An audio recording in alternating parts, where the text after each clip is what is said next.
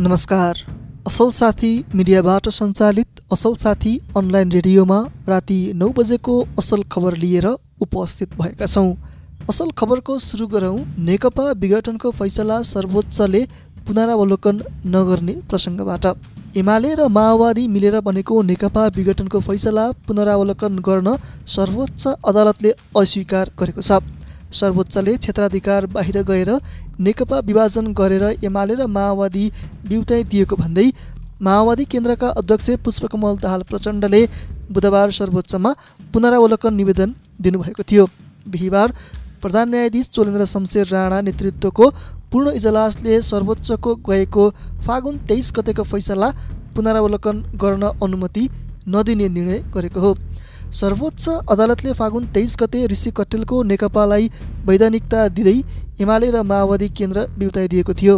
तर माओवादी केन्द्र र एमालेको माधव कुमार नेपाल पक्षले भने रिट निवेदकले नेकपाको नामको विवादमा फैसला मागे पनि सर्वोच्चले अधिकार बाहिर गएर पार्टीको एकता नै भङ्ग गरिदिएको भन्दै पुनरावलोकन गर्ने निर्णय गरेका थिए। नेकपा एमालेका अध्यक्ष केपी शर्मा ओलीले नेता सुरेन्द्र पाण्डे र घनश्याम भूषाललाई पनि पार्टीबाट छ महिनाका लागि निलम्बन गर्नुभएको छ। पार्टीले सोधेको स्पष्टीकरणको चित्त बुझ्दो जवाब नदिएको र नेतृत्वको विरुद्धमा गतिविधि गरेकाले छ महिनाका लागि पार्टीबाट निलम्बन गर्ने निर्णय भएको पत्र पाण्डे र भूषाललाई पठाइएको छ। ओलीले यसअघि वरिष्ठ नेता माधव कुमार नेपाल र भीम रावललाई पनि छ महिनाका लागि निलम्बन गरिसक्नु भएको छ। नेपाल र रावललाई जस्तै सुरेन्द्र पाण्डे र घनश्याम भूषाललाई पनि ओलीले यो सच्चिने अन्तिम मौका भएको र अझै पनि पार्टी तथा नेतृत्व विरुद्ध लाग्ने र समानान्तर गतिविधि गर्न खोजेमा थप कडा कारवाही गर्ने चेतावनी दिनुभएको छ। स्पष्टीकरणमा आफ्ना गल्तीको आत्मालोचना गर्नुको साटो पार्टीलाई लान्छना लगाउने पार्टी फुटाउने गुट भेला गर्ने र नेतृत्व विरुद्ध षड्यन्त्र गर्ने क्रियाकलापको समर्थन गरेर आपराधिक मनोवृत्ति देखाएको कारवाही पत्रमा उल्लेख छ। प्रतिनिधि सभा अन्तर्गतको सार्वजनिक लेखा समितिले काठमाडौँ तराई मधेस द्रुत मार्गको सुरुङ र पुल निर्माण सम्बन्धी दोस्रो प्याकेजको ठेक्का प्रक्रिया रद्द गर्न निर्देशन दिएको छ। ठेक्का प्रक्रियामा त्रुटि देखिएको भन्दै लेखा समितिले नेपाली सेनालाई दोस्रो प्याकेज अन्तर्गतका ठेक्का रद्द गर्न निर्देशन दिएको हो।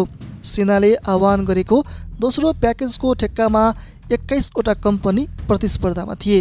ठेक्कामा भएको मापदण्ड अनुसारको कागजात र अनुभवका आधारमा सेनाले चिनिया company Poly Changda Engineering Corporation लिमिटेडलाई पूर्व योग्य ठहर गरेको थियो। तर लेखा समितिको बिहिबारको बैठकले नेपाली सेनाले सार्वजनिक खरिद ऐन अनुसार प्रतिस्पर्धा पारदर्शी र मितव्ययी हुने गरी ठेक्का प्रक्रिया अघि नबढाएकाले पुनः प्रक्रिया सुरु गर्न पनि निर्देशन दिएको समितिका सचिव डाक्टर रोजनाथ पाण्डेले जानकारी दिनुभयो। यस्तै समितिको बैठकले सार्वजनिक खरिद अनुगमन कार्यालयलाई पनि यथाशक्य छिटो निर्देशिकाहरू तयार गर्ने र मापदण्ड कार्यविधि तयार गरेर अन्तर्राष्ट्रिय स्तरको इन्जिनियरिङ प्रोक्रुमेन्ट एन्ड कन्स्ट्रक्सनसँग सम्बन्धित प्रतिवेदनहरू जारी गरेर अवरोध हटाउन समेत निर्देशन दिएको छ। पछिल्लो चौबिस घन्टामा नेपालभरि एक सय बाहन्नजना कोरोना सङ्क्रमित थपिएका छन्। स्वास्थ्य तथा जनसङ्ख्या मन्त्रालयका अनुसार बिहिबार थपिएका एक सय बाहन्न सङ्क्रमितसँगै नेपालमा सङ्क्रमितको कुल सङ्ख्या दुई लाख सतहत्तर हजार चार सय एकसट्ठी पुगेको हो। पछिल्लो चौबिस घन्टामा चार हजार दुई सय तेह्र पिसिआर परीक्षण भएका छन्। नेपालमा कोरोना सङ्क्रमणबाट थप एकको मृत्यु भएसँगै नेपालमा कोरोनाबाट मृत्यु हुनेको सङ्ख्या तिन हजार एकतिस पुगेको छ। त्यस्तै एक हजार पाँच सय उनासीजना आइसोलेसनमा र त्रिसठीजना क्वारेन्टाइनमा रहेको मन्त्रालयले जनाएको छ। हालसम्म नेपालमा बाइस लाख पचहत्तर हजार पाँच सय चालिस पिसिआर परीक्षण भएका छन्। काठमाडौँसहित देशका धेरै ठाउँमा केही दिनदेखि बढेको वातावरण प्रदूषण केही कम भएको छ। बुधबार पानी परेपछि प्रदूषण केही घटेको हो। पुरै हट्न भने अझै केही समय लाग्ने वातावरणविदले बताएका छन्। वातावरण विभागका अनुसार आउँदो एक हप्तासम्म नै वातावरण प्रदूषण कायमै रहने देखिएको छ। तत्काल पुरै प्रदूषण हटेर जाने सम्भावना न्यून रहेको विभागका सूचना अधिकारी शङ्कर प्रसाद पौडेलले बताउनुभयो। उहाँका अनुसार अहिले बिस्तारै घट्दै गए पनि अझै केही दिन प्रदूषण अहिलेकै अवस्थामा कायम रहनेछ। अस्तिभन्दा हिजो र हिजोभन्दा आज प्रदूषणको मात्रा घटेको तर पुरै घट्न अझै केही दिन लाग्न सक्छ उहाँले भन्नुभयो।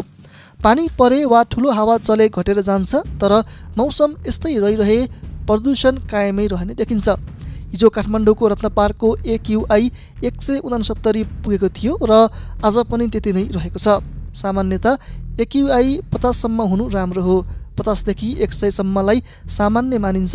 एक्युआई एक सय पचाससम्म पुग्दा संवेदनशील समूहलाई अस्वस्थकर हुन्छ। विश्व स्वास्थ्य सङ्गठन डब्लुएचओले युरोपमा कोभिड नाइन्टिन विरुद्धको खोप लगाउने गति अस्वीकार्य रूपमा ढिलो भएको भन्दै आलोचना गरेको छ। डब्लुएचओले यस क्षेत्रको स्थिति केही महिनादेखि निकै चिन्ताजनक रहेको जनाएको छ। युरोपको अधिकांश क्षेत्रमा खोप लगाउने अभियानमा ढिलाइ हुँदा कोरोना सङ्क्रमणको सङ्ख्या बढ्दो छ। यस महामारीमा खोप नै उत्तम तरिका हो। यद्यपि खोप अभियानमा अस्वीकार्य रूपमा ढिलाइ भएको छ र युरोपमा महामारी फैलिरहेको छ। युरोपका लागि डब्लुएचओका निर्देशक हान्स क्लोजले एक विज्ञप्तिमा भन्नुभएको छ। गएको हप्ता डब्लुएचओको युरोपेली क्षेत्रका अधिकांश देशमा कोभिड नाइन्टिन सङ्क्रमणमा वृद्धि देखिएको छ जसमा पचासभन्दा धेरै देश समावेश छन् र ग्रिनल्यान्डदेखि पूर्वी रुससम्म फैलिएको छ। युरोपका लागि डब्लुएचओका निर्देशक हान्स क्लुजले यस क्षेत्रमा जम्मा दस प्रतिशत जनसङ्ख्याले खोपको एक डोज पाएको र चार प्रतिशतले पुरै डोज पाएको बताउनुभयो असल खबरमा अब खेल समाचार आहारा गोल्ड कपको उन्नाइसौँ संस्करण यही चैत एक्काइस गतेदेखि अठाइस गतेसम्म पोखरामा आयोजना हुने उद्घाटन खेलमा आयोजक सहारा क्लब र सशस्त्र प्रहरीको एपिएफ भिन्नुभएका छन् प्रतियोगिताको विजेताले नगद दस लाख एक हजार रुपियाँ हात पार्नेछ भने उपविजेताले नगद पाँच लाख एक हजार प्राप्त गर्नेछन्।